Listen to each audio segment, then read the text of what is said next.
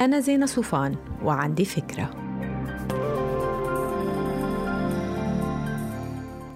هاي شايفين قد إيه في ناس بتضل تقول أنا مطوشة وراسي معجوق. بتعرفوا مرات كتير منقرر إنه صار وقت نرتب جوارير المكتب وخزاين البيت لأنه الفوضى عم بتعيقنا وتلبكنا بس منوقف هونيك وما منقرب على الأدراج المزدحمة براسنا. وهي غلطة كبيرة. لأنه طول ما راسنا مكركب رح نفقد تركيزنا تدريجيا ونصير نفتقد للاستقرار النفسي ونصير رسلس أكثر وأكثر الموضوع مش صعب ويمكن بيبدأ بترتيب فعلي لمحيطنا المادي يعني مكتبنا ومطبخنا وأدراجنا بس بعدين بينتقل لعملية ترتيب الملفات يلي شايلينها براسنا. كل واحد فينا فاتح ملفات كتير وماشي فيها طول النهار شغلة متعبة.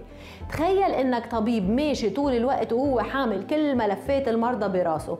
أكيد رح تتشربك الأمور آخر شيء الطبيب عنده ملف لكل مريض بيفتحه لما يجي موعد المعاينة. ولما يخلص بضيف المعطيات جديدة وبحط الملف على الرف وبينساه. هيك نحن لازم نعمل.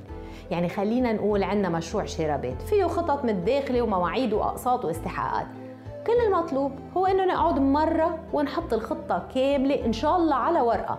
ونحط على الكالندر تبعيتنا تذكير بأول موعد استحقاق. بنجيب فيه الملف ومنراجع لما عقلنا بيعرف إنه هيدا الملف المهم خطته موجودة بمكان ما بفضي مطرحه وبيمنحنا مساحة للتفكير بشيء تاني.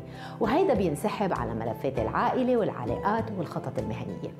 كمان مش لازم نهدر طاقاتنا بترتيب أمورنا اليومية أو الدورية. إنه ايمتى بدي أروح على الرياضة؟ طيب وايمتى بدي أغسل الثياب؟ طيب وشو بدنا نطبخ بكرة؟ وضع روتين بحل هاي المشاكل وقوائم العمل المسبقة بتخفف stress التخطيط اليومي عنا. كمان كل الدراسات بتأكد على أهمية أنه التأمل يكون جزء من روتيننا والهدف من التأمل هو أنه ننفصل عن العالم المادي لدقائق كل يوم ونعيش حالة سلام داخلي بتنظفنا من كراكيب وتفاصيل الحياة اليومية المشوشة.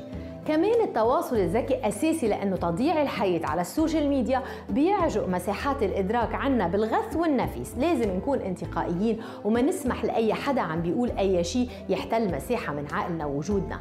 أما القيمة المضافة فأهلا وسهلا فيها بالوقت يلي نحن بنحدده لحالنا وفقا لأولوياتنا نحن. ما تنسوا تعملوا download للفكرة تعطوها rating وتساعدوني بنشرها. Bye.